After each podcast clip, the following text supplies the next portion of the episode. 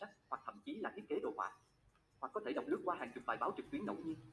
Nhưng bạn vẫn thử làm cách nào để lấp đầy những khoảng trống trong kỹ năng của buổi tôi, làm cách nào để tôi có thể tiến bộ hơn. Có lẽ lựa chọn tốt nhất là bắt đầu với những điều cơ bản và nền tảng, tìm hiểu bố cục, màu sắc, hình dạng, khoảng trắng, kiến thức cơ bản thiết kế đồ họa. Nhưng điều này sẽ khiến bạn mất hai năm lý thuyết thực hành. Đó là rất nhiều thời gian khi bạn có một nhiệm vụ ngay bây giờ và bạn muốn trở nên tốt hơn về giao diện người dùng trong tương lai gần. Nếu bạn là một nhà thiết kế dày dặn kinh nghiệm, bạn vẫn có thể phải vật lộn với việc nhớ lại và sắp xếp thông qua một kho kiến thức lộ, đặc biệt là khi làm việc với thời hạn. Vấn đề này cực kỳ phổ biến không thể theo kịp tất cả các mẹo và thủ thuật, đặc biệt là khi bạn không sử dụng chúng hàng ngày. Một lý do khác là thiết kế sản phẩm, nơi các chỉ số và mức tạo thuật thực tế là vua, thanh giao diện người dùng ngày càng giảm xuống. Nếu không có một nhà lãnh đạo thiết kế với con mắt được đào tạo và kỹ năng giao diện người dùng khổng lồ, thực sự có rất ít hoặc có lý do gì để tỉ mỉ về các chi tiết giao diện người dùng. Thật quyền khi có một hệ thống với các cải tiến thủ công giao diện dùng sẽ giúp bạn trở nên tốt hơn một cách nhất quán trong thiết kiệm thời gian của bạn cho các nhiệm vụ phức tạp và khó khăn. Vậy chính xác thì làm thế nào để có thể đẩy nhanh quá trình giáo dục này? Thực hành và cách tiếp cận có hệ thống tập thể dục di động. ST căn bởi sách của Godon như Dale Carnegie đã nói, học tập là một quá trình tích cực. Chúng tiên học bằng cách làm. Chỉ có kiến thức được sử dụng mới tiên nhất trong đầu bạn, Hoàn toàn ổn nếu bạn không nhớ nhiều thứ sau việc một cuốn sách lý thuyết thiết kế đồ họa. Để thực sự ghi nhớ thông tin lý thuyết đồ họa, bạn cần hỗ trợ nó bằng thực hành. Làm thế nào để làm nó? Giả sử bạn vừa đọc chương các kiểu tương phản từ cuốn sách của Johan Titan. Ngay khi bạn đọc nó, hãy mở Pinterest hoặc một dịch vụ tương tự và cố gắng tìm các tài liệu tham khảo đại diện các loại tương phản mà bạn vừa đọc. Bạn có thể có một chương mục giá tạo tương phản hoặc thậm chí các chương mục riêng biệt cho các loại phản khác nhau. Đó là ở bạn, mỗi khi bạn bắt gặp lý thuyết nào đó, hãy cố gắng hỗ trợ nó bằng hành. Tìm hiểu về ghép nối phong chữ, cố gắng tìm một số vị bắt mắt và tự ghép một số phong chữ nghiên cứu hệ thống phân trực quan trong thiết kế hỗ trợ nó bằng cách thực hành Thuộc mọi người học tốt nhất bằng cách xem các ví dụ trực quan trong khi đọc lý thuyết dày đặc. Tuy nhiên, điều quan trọng cần lưu ý là trong bài tập này, bạn nên kiếm tài liệu tham khảo từ lĩnh vực công việc của mình. Nếu bạn một nhà thiết kế sản phẩm làm việc với giao diện người dùng nhiều dữ liệu, việc lưu và thêm áp phích của các tác phẩm tập trung và quảng cáo không có ý nghĩa gì. Chúng có thể hấp dẫn, có, nhưng không hữu ích bằng. Thiết lập một thư viện tham khảo Valery Kudinov Peterson luôn tốt đẹp để giữ mọi thứ ngăn nắp, đặt tên cho lệnh có ý nghĩa và giữ cấu trúc, lưu trữ chúng vào các thư mục được đặt tên hợp để bạn có thể dễ dàng tìm thấy chúng trong tương lai. Thực tốt sẽ vẫn còn với bạn trong nhiều năm, là lưu chúng cho chính bằng cách tạo thư viện của riêng bạn. Thu thập chúng trong Reader, Behance, Pinterest hoặc bất kỳ nơi nào khác. Nhưng chỉ cứu chúng sẽ không thực sự hữu ích. Để cảm nhận và hiểu công việc bạn thích, bạn nên làm việc với họ. Tài liệu tham khảo một cách hoàn hảo để học các mẫu cơ bản và cách áp dụng chúng cho các dự án hiện tại và sắp tới của bạn, một cách để sao chép tham chiếu mà bạn thích. Việc tạo lại các thiết kiện có sẽ giúp bạn hiểu được khoảng cách, phông chữ, kích, màu sắc trên thực tế. Cố gắng trộn và kết hợp các tài liệu tham khảo, cố gắng tạo lại trang web hoặc ứng dụng yêu thích của bạn chính sách những gì bạn thấy. Hãy chú ý đến các chi tiết và tìm kiếm phòng, khoảng trắng, màu sắc, bất kỳ yếu tố nào và sự cân bằng tổng. Tạo lại lưới mà nhà thiết kế đã sử dụng trong công việc của họ, cố gắng càng gần càng tốt và đảm bảo đo kích thước phần tử và phần. Hãy chú ý đến những điều sau, hệ thống phân cấp trực quan là gì? Các yếu tố quan trọng trên trang là gì? Điều chỉ thu hút sự chú ý của bạn và mang lại cho bạn cảm xúc. Lưới mà nhà thiết kế đã sử dụng là gì? Còn về phông chữ, thanh loại được sử dụng ở đây là gì? Điều này sẽ cung cấp cho bạn nhiều hiểu biết sâu sắc và nâng cao kiến thiết kế của bạn. Đây là một cách tiếp cận cực kỳ hiệu quả mà họa sĩ đã sử dụng trong nhiều thập kỷ.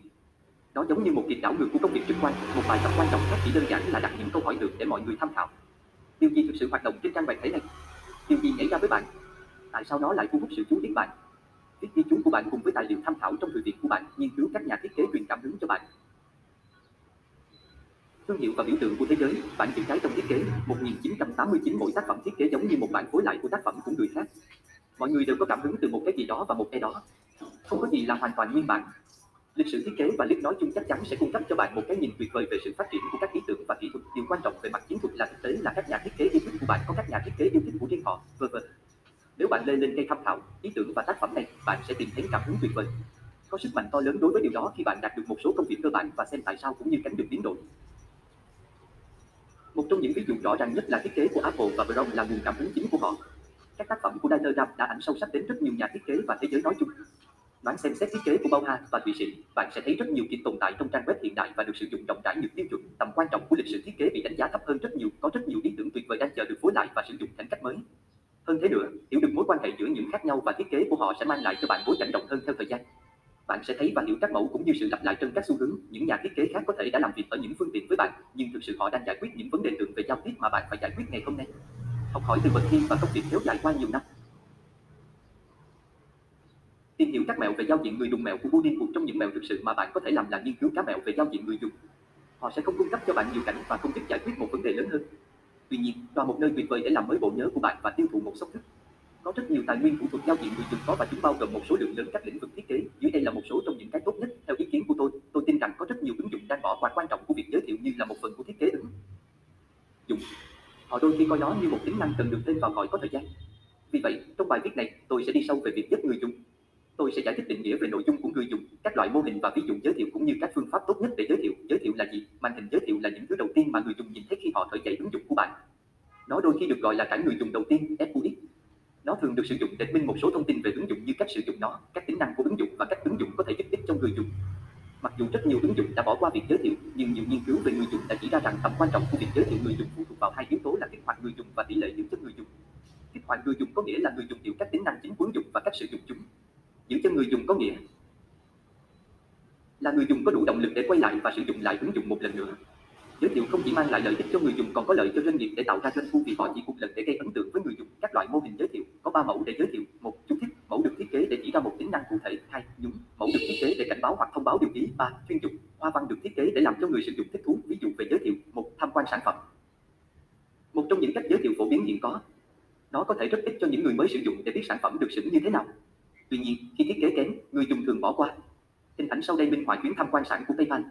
Chúng ta có thể thấy rằng họ cung cấp cho người dùng tùy chọn kết thúc chuyến tham quan. Điều này rất quan trọng vì một số người dùng đã quen thuộc với PayPal. Giới thiệu về giới thiệu sản phẩm PayPal 2, danh sách kiểm tra. Xin Pinto Asset do Highlight. Logic, xin Group. The Rocket,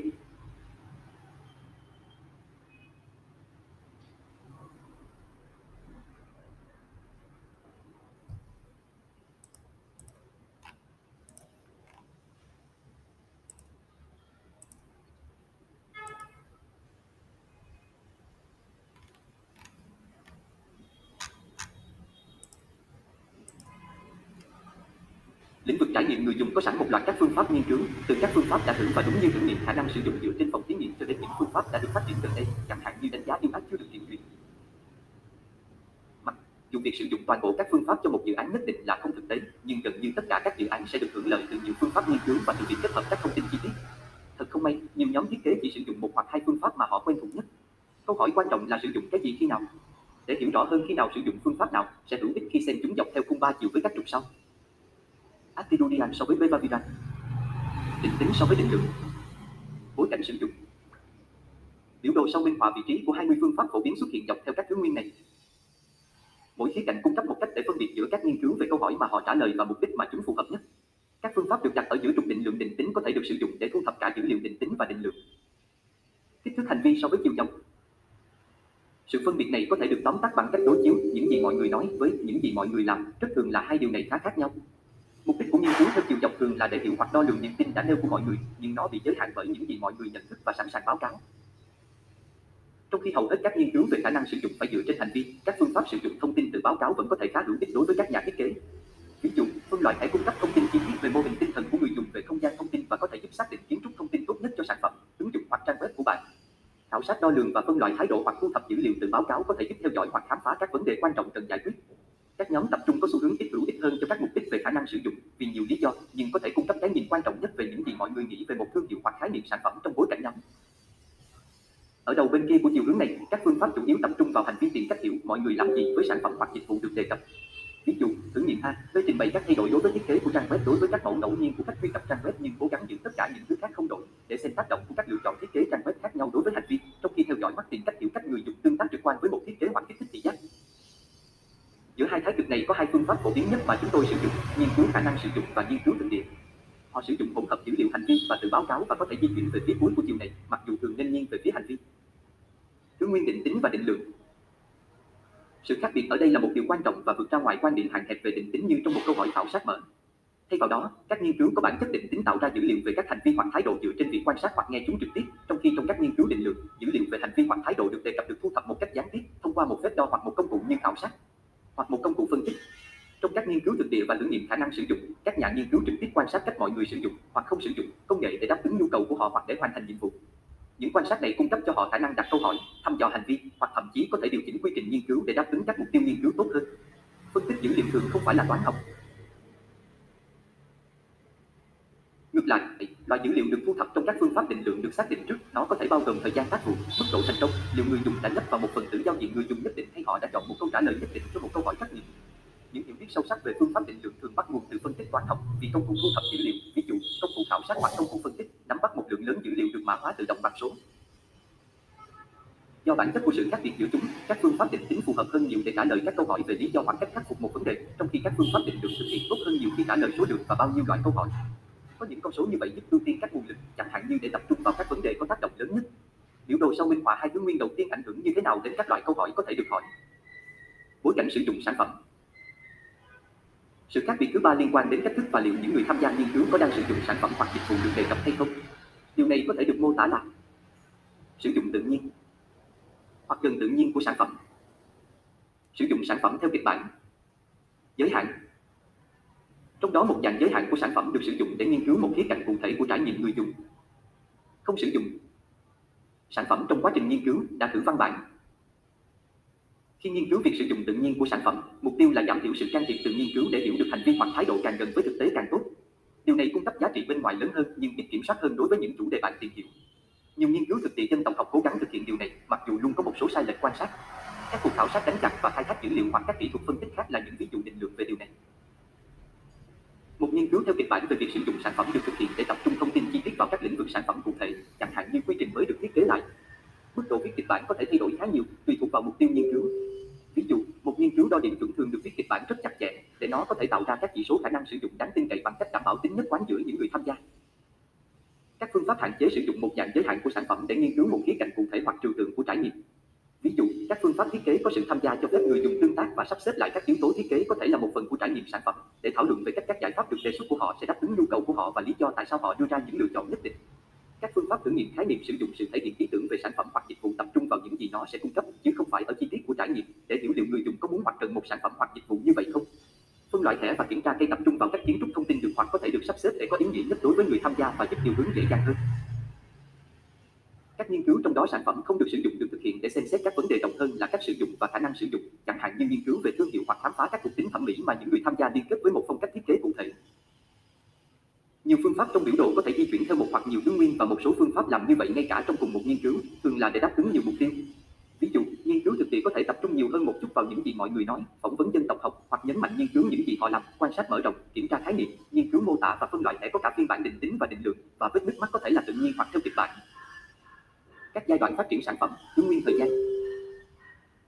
Một sự khác biệt quan trọng khác cần xem xét khi đưa ra lựa chọn giữa các phương pháp nghiên cứu là giai đoạn phát triển sản phẩm và các mục tiêu liên quan của nó. Ví dụ, khi bắt đầu quá trình phát triển sản phẩm, bạn thường quan tâm nhiều hơn đến câu hỏi chiến lược về hướng sản xuất sản phẩm. Do đó, các phương pháp ở giai đoạn này thường mang tính chất chung chung vì chúng giúp tạo ra các ý tưởng và câu trả lời về việc con đường để đi. Khi một hướng được chọn, giai đoạn thiết kế sẽ bắt đầu. Do đó, các phương pháp trong giai đoạn này được mô tả tốt như là một công thức bởi vì chúng thông báo các bạn có thể cải thiện thiết kế. Sau khi một sản phẩm đã được phát triển đủ để đo lường nó, nó có thể được đánh giá dựa trên các phiên bản trước đó của chính nó hoặc đối thủ cạnh tranh và các phương pháp thực hiện điều này được gọi là tổng kết. Bản sau đây mô tả nơi nhiều phương pháp ánh xạ đến các giai đoạn này theo thời gian. Giai đoạn phát triển sản phẩm. Lập chiến lược. Mục tiêu nghiên cứu, tìm hướng đi và cơ hội mới. Phương pháp nghiên cứu tổng hợp. Phương pháp ví dụ. Nghiên cứu thực địa, nghiên cứu nhật ký, phỏng vấn, khảo sát, thiết kế có sự tham gia, thử nghiệm khái niệm. Nghệ thuật hay khoa học. Mặc dù nhiều phương pháp nghiên cứu trải nghiệm người dùng có nguồn gốc từ thực tiễn khoa học Nhưng mục đích của chúng không hoàn toàn là khoa học và vẫn cần được điều chỉnh để đáp ứng nhu cầu của các bên liên quan đây là lý do tại sao các đặc điểm của các phương pháp ở đây có nghĩa là hướng dẫn chung thay vì phân loại cứng nhắc. Cuối cùng, thành công của công việc của bạn sẽ được xác định bởi mức độ ảnh hưởng của nó đối với việc cải thiện trải nghiệm người dùng của trang web hoặc sản phẩm được đề cập. Những phân loại này nhằm giúp bạn đưa ra lựa chọn tốt nhất vào đúng thời điểm. 20 phương pháp tiêu ác tóm tắt. Dưới đây là mô tả ngắn gọn về các phương pháp nghiên cứu người dùng được hiển thị trong biểu đồ trên. Kiểm tra khả năng sử dụng, hay còn gọi là nghiên cứu về khả năng sử dụng trong phòng thí nghiệm người tham gia được đưa vào phòng thí nghiệm trực tiếp với một nhà nghiên cứu và được đưa ra một tập hợp các tình huống dẫn đến các nhiệm vụ và các sử dụng mối quan tâm cụ thể trong một sản phẩm hoặc dịch vụ. Nghiên cứu thực địa, các nhà nghiên cứu nghiên cứu những người tham gia trong môi trường của chính họ, cơ quan hoặc nhà riêng, nơi họ có nhiều khả năng bắt gặp sản phẩm hoặc dịch vụ đang được sử dụng trong môi trường thực tế hoặc tự nhiên nhất. Điều tra, theo ngữ cảnh, các nhà nghiên cứu và những người tham gia cộng tác với nhau trong môi trường riêng của những người tham gia để tìm hiểu và quan sát bản chất của các nhiệm vụ và công việc hiện tại. Phương pháp này rất giống với nghiên cứu thực địa và được phát triển để nghiên cứu các hệ thống phức tạp và các quy trình chuyên sâu. Thiết kế có sự tham gia, người tham gia được cung cấp các yếu tố thiết kế hoặc tài liệu sáng tạo để xây dựng trải nghiệm lý tưởng của họ theo cách cụ thể thể hiện điều gì quan trọng nhất đối với họ và tại sao. Các nhóm tập trung, các nhóm từ 3, 12 người tham gia được dẫn dắt thông qua cuộc thảo luận về một nhóm chủ đề, đưa ra phản hồi bằng lời nói và văn bản thông qua thảo luận và bài tập. Phỏng vấn, một nhà nghiên cứu gặp gỡ trực tiếp những người tham gia để thảo luận sâu về suy nghĩ của người tham gia về chủ đề được đề cập về mắt, thiết bị theo dõi mắt được định cấu hình để đo lường chính xác vị trí của người tham gia khi họ thực hiện nhiệm vụ hoặc tương tác tự nhiên với các trang web, ứng dụng, sản phẩm thực hoặc môi trường. Đánh giá khả năng sử dụng, các nghiên cứu về khả năng sử dụng có kịch bản chặt chẽ được thực hiện với số lượng người tham gia lớn hơn, sử dụng các thước đo hiệu suất chính xác và được xác định trước, thường với mục tiêu theo dõi các cải tiến về khả năng sử dụng của sản phẩm theo thời gian hoặc so sánh với các đối thủ cạnh tranh. Kiểm tra được kiểm duyệt từ xa, các nghiên cứu về khả năng sử dụng được tiến hành từ xa với việc sử dụng các công cụ như hội nghị truyền hình, phần mềm chia sẻ màn hình và khả năng điều khiển từ xa. Thử nghiệm không được kiểm duyệt một phương pháp tự động có thể được sử dụng trong cả nghiên cứu định lượng và định tính, đồng thời sử dụng công cụ nghiên cứu chuyên biệt để nắm bắt hành vi và thái độ của người tham gia, thường bằng cách đưa ra cho người tham gia các mục tiêu hoặc kịch bản để hoàn thành với một trang web, ứng dụng hoặc mẫu thử nghiệm. Công cụ này có thể ghi lại luồng video của mỗi phiên người dùng và có thể thu thập các chỉ số khả năng sử dụng như tỷ lệ thành công, thời gian tác vụ và mức độ dễ sử dụng. Thử nghiệm khái niệm, một nhà nghiên cứu chia sẻ một cách gần đúng về một sản phẩm hoặc dịch vụ nắm bắt được bản chất chính, đề xuất giá trị của một khái niệm hoặc sản phẩm mới để xác định xem nó có đáp ứng nhu cầu của đối tượng mục tiêu hay không. Nó có thể được thực hiện trực tiếp hoặc với số lượng người tham gia lớn hơn, trực tiếp hoặc trực tuyến. Nghiên cứu nhật ký, những người tham gia đang sử dụng một cơ chế, ví dụ nhật ký giấy hoặc kỹ thuật số, máy ảnh, ứng dụng điện thoại thông minh để ghi lại và mô tả các khía cạnh trong cuộc sống của họ có liên quan đến sản phẩm hoặc dịch vụ hoặc đơn giản là cốt lõi đối với đối tượng mục tiêu. Nghiên cứu nhật ký thường theo chiều dọc và chỉ có thể được thực hiện đối với dữ liệu mà người tham gia dễ dàng ghi lại. Phản hồi của khách hàng, thông tin kết thúc mở và hoặc kết thúc được cung cấp bởi một mẫu người dùng tự chọn, thường thông qua liên kết phản hồi, nút, biểu mẫu hoặc email. Các nghiên cứu về tính mong muốn, những người tham gia được cung cấp các lựa chọn để thiết kế trực quan khác nhau và dự kiến sẽ liên kết từng giải pháp thay thế với một tập hợp các thuộc tính được chọn từ một danh sách chính. Các nghiên cứu này có thể là cả định tính và định lượng. Một phương pháp định lượng hoặc định tính yêu cầu người dùng sắp xếp các mục thành các nhóm và chỉ định các danh mục cho mỗi nhóm. Phương pháp này giúp tạo hoặc tinh chỉnh kiến trúc thông tin của một trang web bằng cách hiển thị các mô hình tinh thần của người dùng. Kiểm tra cây, một phương pháp định lượng kiểm tra kiến trúc thông tin để xác định mức độ dễ dàng tìm thấy các mục trong hệ thống phân cấp. Phương pháp này có thể được tiến hành trên một kiến trúc thông tin hiện có để đánh giá nó và sau đó một lần nữa, sau khi kiến trúc thông tin được cải thiện với phân loại thẻ, để chứng minh sự cải tiến. Phân tích, phân tích dữ liệu được thu thập từ hành vi của người dùng như nhấp chuột, điền vào biểu mẫu và các tương tác được ghi lại khác. Tổng cầu trang web hoặc ứng dụng phải được đánh giá đúng cách trước. Tích luận nhấp chuột, một loại phân tích cụ thể liên quan đến việc phân tích trình tự các trang mà người dùng truy cập khi họ sử dụng trang web hoặc ứng dụng phần mềm. Thử nghiệm A, B hay còn gọi là thử nghiệm đa biến, thử nghiệm trực tiếp hoặc thử nghiệm nhóm một phương pháp thử nghiệm một cách khoa học các thiết kế khác nhau trên một trang web bằng cách chỉ định ngẫu nhiên các nhóm người dùng tương tác với từng thiết kế khác nhau và đo lường tác động của các nhiệm vụ này đối với người dùng thành viên. Khảo sát, một thước đo định lượng về thái độ thông qua một loạt câu hỏi, thường là kết thúc đóng hơn kết thúc mở. Một cuộc khảo sát được kích hoạt trong quá trình sử dụng một trang web hoặc ứng dụng là một cuộc khảo sát chặt, thường được kích hoạt bởi hành vi của người dùng. Thông thường hơn, những người tham gia được tuyển dụng từ một tin nhắn email hoặc được tiếp cận thông qua một số kênh khác như phương tiện truyền thông xã hội hay mẹo để kể chuyện trải nghiệm người dùng tốt hơn. Tóm tắt, kể chuyện hiệu quả bao gồm cả việc thu hút khán giả và cấu trúc câu chuyện một cách ngắn gọn nhưng hiệu quả. Hãy cải thiện câu chuyện của người dùng bằng cách tận dụng khái niệm tam giác câu chuyện và mẫu câu chuyện núi.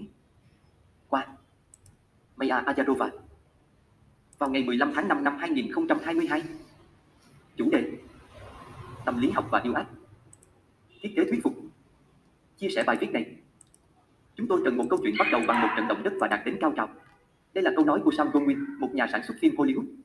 Mặc dù hầu hết các chuyên gia yêu ác không làm việc trên một kịch bản cho bom tấn tiếp theo, nhưng họ cần phải thu hút sự chú ý và quan tâm của người khác, chia sẻ thông tin chi tiết theo cách đáng nhớ và để mọi người khác trong tổ chức ủng hộ nỗ lực của họ. Kể chuyện là một công cụ mạnh mẽ có thể thực hiện tất cả những điều này. Trong trải nghiệm người dùng, câu chuyện của người dùng xây dựng sự đồng cảm bằng cách đặt khán giả vào vị trí của người dùng. Chúng cũng thiết lập một vốn từ vựng chung và vì chúng liên quan đến khán giả về mặt cảm xúc, chúng đáng nhớ và thường được khán giả mua trong các nỗ lực yêu ác đằng sau câu chuyện những câu chuyện tuyệt vời, tuy nhiên không dễ dàng có được. Không phải ai cũng là một người kể chuyện tự tin tại nơi làm việc của họ. Nhưng tin tốt là bạn có thể học cách tạo câu chuyện người dùng tốt. Bài viết này trình bày hai mẹo để cải thiện khả năng kể chuyện. Lập kế hoạch cho vai trò tích cực của khán giả trong câu chuyện. Sử dụng một mẫu câu chuyện. Tam giác câu chuyện. Kể chuyện hiệu quả là sự trao đổi năng động giữa câu chuyện, người kể chuyện và khán giả, và yếu tố này tạo thành tam giác câu chuyện. Một câu chuyện hấp dẫn là một cuộc trò chuyện chứ không phải là một buổi phát thanh một chiều. Các khán giả khác nhau có thể hiểu cùng một câu chuyện vì mỗi người sẽ đưa ra những suy luận hơi khác nhau và điền thông tin còn thiếu dựa trên những kinh nghiệm trước đó rất cụ thể. Hãy tưởng tượng rằng chúng ta đang chia sẻ một câu chuyện về một người dùng, Mary. Mary đang quyết định đi xe buýt hay taxi đến nhà ga trung tâm sau buổi hòa nhạc buổi tối. Trời đã mùng và viễn cảnh lỡ chuyến tàu của cô ấy không hấp dẫn lắm đối với cô ấy. Chúng tôi đang kể câu chuyện này với mục đích giới thiệu một ứng dụng theo dõi xe buýt. Ứng dụng này có thể cạnh tranh với các ứng dụng chia sẻ chuyến đi và thúc đẩy giao thông công cộng. Một số người trong khán giả của chúng tôi sẽ ngay lập tức đồng cảm vì họ biết cảm giác như thế nào khi bỏ lỡ một chuyến tàu và bị chết cống trên sân ga. Ngay cả khi câu chuyện không đề cập đến thời tiết, mùa hoặc loại nhà ga, mọi người vẫn dễ dàng hình dung ra những chi tiết như vậy. Trong khán giả của chúng tôi, chúng tôi cũng có thể có những người không bao giờ đi xe buýt và luôn thích một xe taxi. Họ tin rằng xe buýt sẽ mất nhiều thời gian hơn. Những người khác cho rằng các chuyến tàu luôn chạy đúng lịch trình và thách thức lớn nhất đối với Mary là có thể dễ dàng tiếp cận lịch trình. Tất cả những suy luận này có thể được đưa ra bởi khán giả của chúng tôi khi họ đang nghe câu chuyện và có thể ảnh hưởng đến phần nào của câu chuyện nổi bật đối với họ. Ví dụ này minh họa vai trò tích cực của khán giả, mọi người tạo ra mối liên hệ giữa những câu chuyện mà họ nghe được với động lực và kinh nghiệm sống của chính họ. Người kể chuyện nên mời khán giả chia sẻ các giả định của họ bằng cách cung cấp không gian cho phản hồi và tính đến khả năng hiểu sai. Trong ví dụ về ứng dụng theo dõi xe buýt, nếu chúng tôi kết hợp phản hồi của khán giả, chúng tôi có thể nhận được ý tưởng về các tính năng mới, chẳng hạn như so sánh thời gian thực giữa thời gian chờ xe buýt và tỷ lệ đi chung. Tuy nhiên, vai trò tích cực của khán giả có thể là con dao hai lưỡi. Một mặt, nó mang lại cho người kể chuyện cơ hội khai thác trải nghiệm của mọi người và thu hút cảm xúc của họ. Mặt khác, nó để lại chỗ cho sự xuyên tạc và hiểu lầm. Hãy nghĩ đến trò chơi điện thoại, người chơi đầu tiên thì thầm một từ với người thứ hai, người này thì thầm những gì họ nghe được với người thứ ba, vân vân. Những gì người cuối cùng nghe được thường khác một cách đáng kinh ngạc so với từ ban đầu. Chúng tôi không muốn điều đó xảy ra với các câu chuyện trải nghiệm người dùng của mình, vì vậy chúng tôi cố gắng giữ cho chúng đơn giản, có cấu trúc và với mức độ chi tiết thích hợp. Quá ít chi tiết khiến người nghe có nhiều khoảng trống để tưởng tượng và trí tưởng tượng hoạt động quá mức có thể dễ dàng làm khán giả lạc hướng. Quá nhiều chi tiết có thể buộc khán giả đi vào một lối mòn quá cứng nhắc và khiến mọi người có ít cơ hội để tham gia vào cảm xúc hoặc mơ tưởng ra các giải pháp hoặc ý tưởng mới. Lượng chi tiết phù hợp cũng sẽ phụ thuộc vào mục tiêu của bạn với tư cách là người kể chuyện. Bạn có muốn khiến khán giả tập trung vào một vấn đề rất cụ thể, giống như trường hợp câu chuyện của bạn nói về những rào cản khả năng sử dụng cụ thể, không? Sau đó, đưa ra càng nhiều chi tiết càng tốt. Bạn có muốn cho phép mọi người tưởng tượng ra các giải pháp, ý tưởng, tình huống mới, ví dụ vì câu chuyện của bạn nhằm biện minh cho mục đích của một ứng dụng mới, không? Sau đó, chỉ đưa ra nhiều chi tiết cần thiết để câu chuyện tiếp tục. Mẫu Story Mountain Một cấu trúc câu chuyện đã được thử nghiệm một thời gian và rất thành công được trình bày dưới dạng hình ảnh được gọi là ngọn núi câu chuyện. Ngọn núi câu chuyện thường gắn liền với kim tự tháp của Freytag, được xuất bản vào giữa thế kỷ 19 bởi Gustav tác một tiểu thuyết gia và nhà viết kịch người Đức. Cấu trúc này ban đầu cung cấp một bản đồ 5 phần cho một biên kịch, giới thiệu, tăng, cao trào, trở lại hoặc sụp đổ và thảm họa. Trong phiên bản của ông về kim tự tháp, cốt truyện kết thúc bằng một thảm họa. Phần này đã trở thành cách giải thích, phân giải hoặc kết luận trong các cách giải thích hiện đại. Câu chuyện ngọn núi hay cuộc hành trình của anh hùng được sử dụng rộng rãi để giúp học sinh từ tiểu học đến đại học cấu trúc suy nghĩ của họ trước khi viết một câu chuyện. Một câu chuyện theo mẫu này bao gồm 5 phần: trình bày, hành động tăng, cao trào, hành động rơi và độ phân giải. Một câu chuyện trên núi được điều chỉnh cho các câu chuyện yêu ác. Trong trải nghiệm người dùng, bạn có thể làm theo mẫu câu chuyện để tạo câu chuyện cho nhóm nội bộ của mình. Sự trình bày bạn bắt đầu ở dưới cùng bên trái của ngọn núi để thiết lập người dùng của bạn và cài đặt. Bạn giới thiệu người dùng, đặt tên cho cô ấy, chẳng hạn như Mary trong câu chuyện ứng dụng theo dõi xe buýt của chúng tôi. Bạn có thể thêm các chi tiết bổ sung về Mary nếu chúng có liên quan đến câu chuyện của bạn. Ví dụ, bạn có thể muốn chia sẻ liệu Mary có đang tìm kiếm phương tiện di chuyển dành cho xe lăn hay không, lần đầu tiên cô ấy nghe về ứng dụng này như thế nào, trình độ hiểu biết về công nghệ, tuổi của cô ấy, tần suất cô ấy phải đi làm hay giải trí. Bạn điền càng nhiều chi tiết thì khán giả càng thích hình dung. Hãy nhớ rằng bất kỳ chi tiết nào cũng nên được cân nhắc và phục vụ cho mục đích của câu chuyện. Hành động gia tăng bạn làm việc theo cách của mình để truyền đạt vấn đề mà người dùng của bạn gặp phải. Trong ví dụ của chúng ta, Mary cần về nhà và cô ấy phải tìm cách đến ga tàu đúng giờ. Cô ấy nên đợi xe buýt hay đi chung xe. Bạn có thể nâng cao cổ phần và leo thang câu chuyện để nhấn mạnh rằng ga xe lửa khá xa, vượt quá một khoảng cách đi bộ, rằng thường có giao thông đông đúc và chỉ có một chuyến tàu buổi tối mà cô ấy không thể bỏ lỡ. Cao trào Bạn chạm đến đỉnh núi, một bước ngoặt cho thấy sự cố đã ảnh hưởng đến người dùng của bạn như thế nào. Tại đây, bạn có thể đưa câu chuyện của chúng tôi theo nhiều hướng khác nhau, tùy thuộc vào mục tiêu của bạn. Nếu chúng tôi muốn khán giả của bạn hào hứng với khái niệm của bạn và gắn kết mọi người theo một tầm nhìn chung, bạn sẽ nhấn mạnh những lợi ích của ứng dụng bắt xe buýt mới của mình.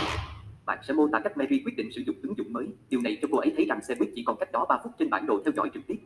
Cô ấy không lo lắng về phương tiện di chuyển của mình và cảm thấy tự tin rằng cô ấy sẽ đến nhà ga đúng giờ. Nếu bạn muốn nhóm của mình chú ý đến phản hồi của khách hàng và các lỗi trong sản phẩm của bạn, bạn sẽ chia sẻ một trải nghiệm không hài lòng, đáng thất vọng. Mary quyết định sử dụng ứng dụng nhưng nó yêu cầu cô đăng nhập. Cô quên mật khẩu và trình quản lý mật khẩu của cô không nhận ra ứng dụng.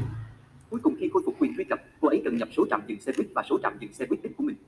Trong khi vẫn tương tác với ứng dụng, Mary bị lỡ chuyến xe buýt và phải đặt hàng đi chung xe, vốn đã có giá tăng cao.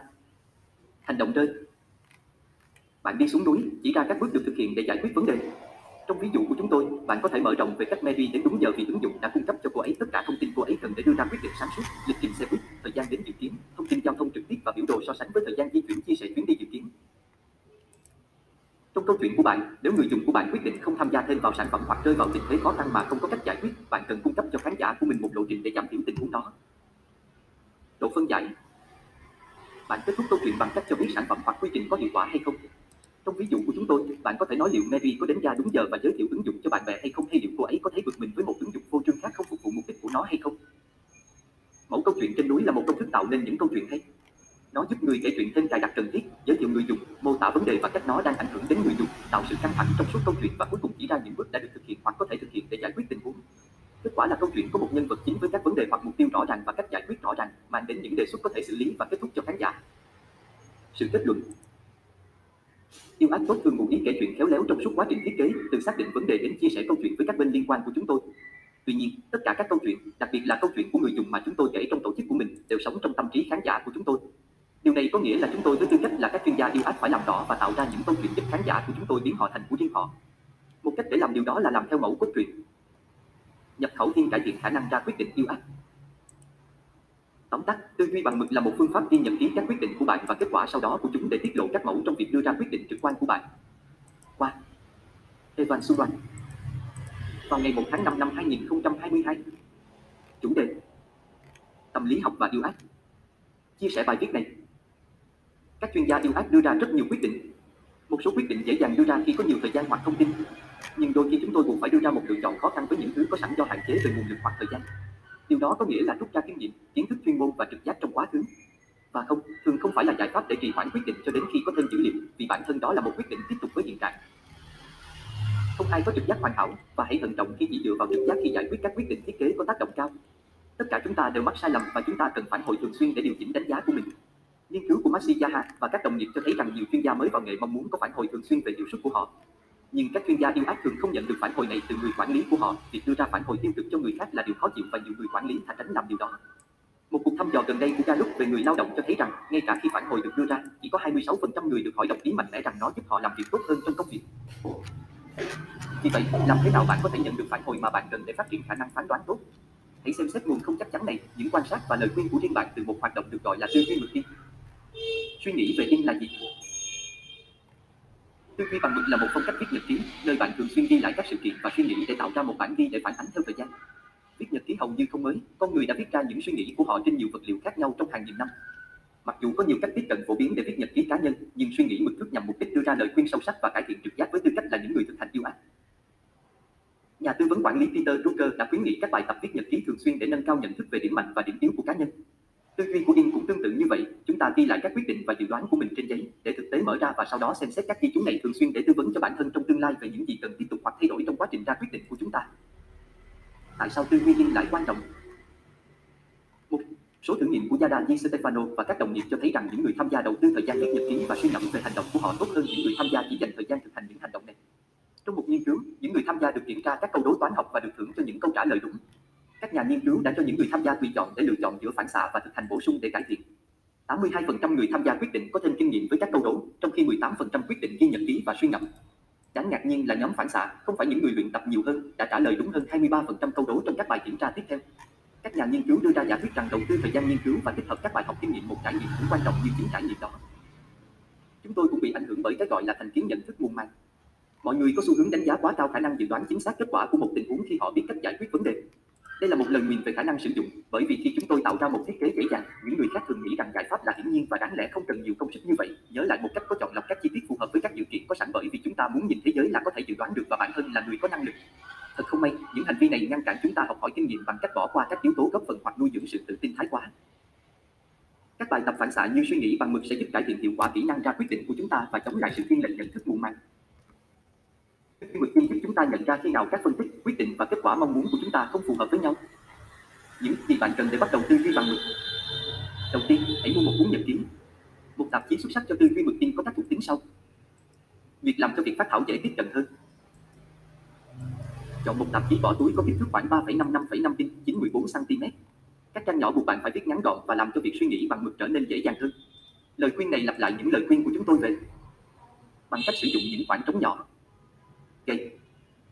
Hãy nhắm đến càng ít trang càng tốt. Nghiên cứu của Teresa Amadi và Stephen Kramer cho thấy ngay cả những dấu hiệu tiến bộ nhỏ cũng có thể thúc đẩy mọi người hoàn thành mục tiêu. Những cuốn nhật ký dày có thể gây cảm giác nặng nề và khó chịu. Thay vào đó, hãy đặt mục tiêu cá nhân để điền vào nhật ký mỏng của bạn trong 6 tháng tới. Đã cai trị. Chọn một nhật ký có các dòng thay vì các trang trống hoặc lưới chấm. Hoạt động này hoạt động tốt nhất bằng cách sử dụng các câu khai báo ngắn để dễ dàng đánh giá sau này. Chưa định dạng. Tránh các tạp chí có phần hoặc câu hỏi im sẵn. Tập trung. Sử dụng tạp chí này dành riêng cho tư duy mực tin và phát triển nghề nghiệp của bạn. Đừng bao gồm danh sách tạp hóa, cuộc hẹn hoặc những thứ gây sao nhãn khác. Có thể truy cập. Xóa bỏ những rào cản cản trở cơ hội viết lách của bạn. Giữ cho tạp chí này có thể dễ dàng truy cập trong khu vực làm việc của bạn. tại Và muốn đóng góp ý kiến cá nhân.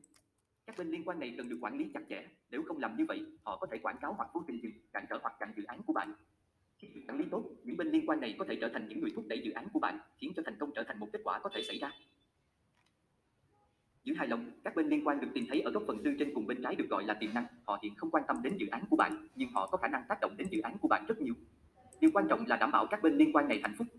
Nếu họ thấy rằng công việc của bạn ảnh hưởng đến công việc của họ, họ có thể sẽ tham gia. Bạn có thể muốn tham khảo ý kiến của họ để đảm bảo rằng sở thích của họ được quan sát. Luôn thông báo, các bên liên quan quan tâm đến dự án của bạn nhưng có ít quyền lực đối với nó nên được thông báo. Họ nên được mời nghiên cứu, sao chép vào email phản biện và được mời phê bình thiết kế. Giám sát không đáng để dành nhiều thời gian thu hút hoặc quản lý các bên liên quan rơi vào góc phần tư phía dưới bên trái vì họ ít quan tâm đến công việc của bạn hoặc quyền lực đối với công việc đó. Tuy nhiên, hoàn cảnh có thể thay đổi và chúng có thể chuyển sang một trong các góc phần tư khác, vì vậy bạn nên theo dõi chúng thường xuyên. Quyền lực và sự quan tâm mà các bên liên quan có trong dự án của bạn có thể thay đổi trong suốt dự án của bạn. Những thay đổi trong lãnh đạo có thể dẫn đến những thay đổi mạnh mẽ về triển vọng và sự quan tâm đến các sáng kiến tiêu ác, khiến các bên liên quan chuyển từ bên này sang bên kia của lưới điện. Do đó, lập bản đồ các bên liên quan không phải là hoạt động một lần, thường xuyên quay lại bản đồ các bên liên quan và cập nhật các chiến lược của bạn cho phù hợp. Lưu ý rằng các chiến lược quản lý các bên liên quan được liệt kê trong lưới không cụ thể. Chiến lược tốt nhất sẽ phụ thuộc vào các bên liên quan và văn hóa doanh nghiệp trong tổ chức của bạn. Đây là lý do tại sao điều quan trọng là phải thực hiện các cuộc phỏng vấn các bên liên quan để tìm ra chiến lược giao tiếp và tương tác nào sẽ hiệu quả nhất. Hiểu những gì các bên liên quan của bạn quan tâm và những gì họ quan tâm sẽ giúp bạn giao tiếp tốt nhất với họ. Ngoài ra, các cuộc phỏng vấn với các bên liên quan có thể tiết lộ mức độ hiểu biết của họ về điều ác. Nếu một bên liên quan có ít kiến thức hoặc tiếp xúc với điều ác và quyền lực cao hoặc mức độ quan tâm cao, thì bạn có thể cần dành thêm thời gian để truyền đạt các khái niệm cơ bản về điều ác hoặc giải thích roi của công việc điều ác. Một thành phần bị thiếu trong ba trận quyền lực và sở thích là thái độ. Khía cạnh này rất quan trọng để hiểu, vì vậy bạn có thể ưu tiên thời gian và năng lượng của mình.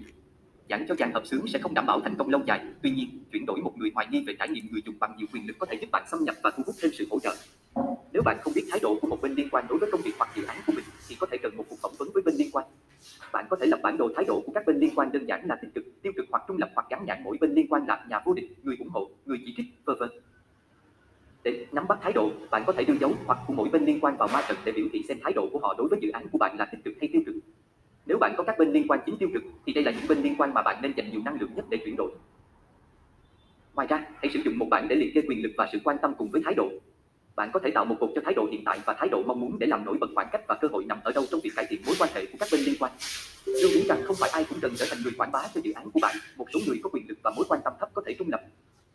Cổ đông Quyền lực Quan tâm Thái độ hiện tại Thái độ mong muốn Dân sự biết người quản lý tài khoản. Cao Thấp Trung tính Tích cực. Joe Blog, giám đốc sản phẩm. Cao Cao Tích cực Tích cực.